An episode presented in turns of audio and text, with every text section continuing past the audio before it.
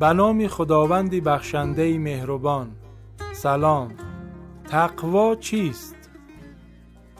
سئل الصادق عن تفسیر التقوى فقال الا یفقدک الله حیث امرک ولا یراک حیث نهاک از امام صادق رضوان الله علیه پرسیدند تقوا چیست؟ امام در جواب گفت تقوا این است که در جایی که خدا امر کرده غایب نباشی و در جایی که از آن نهی کرده است تو را نبیند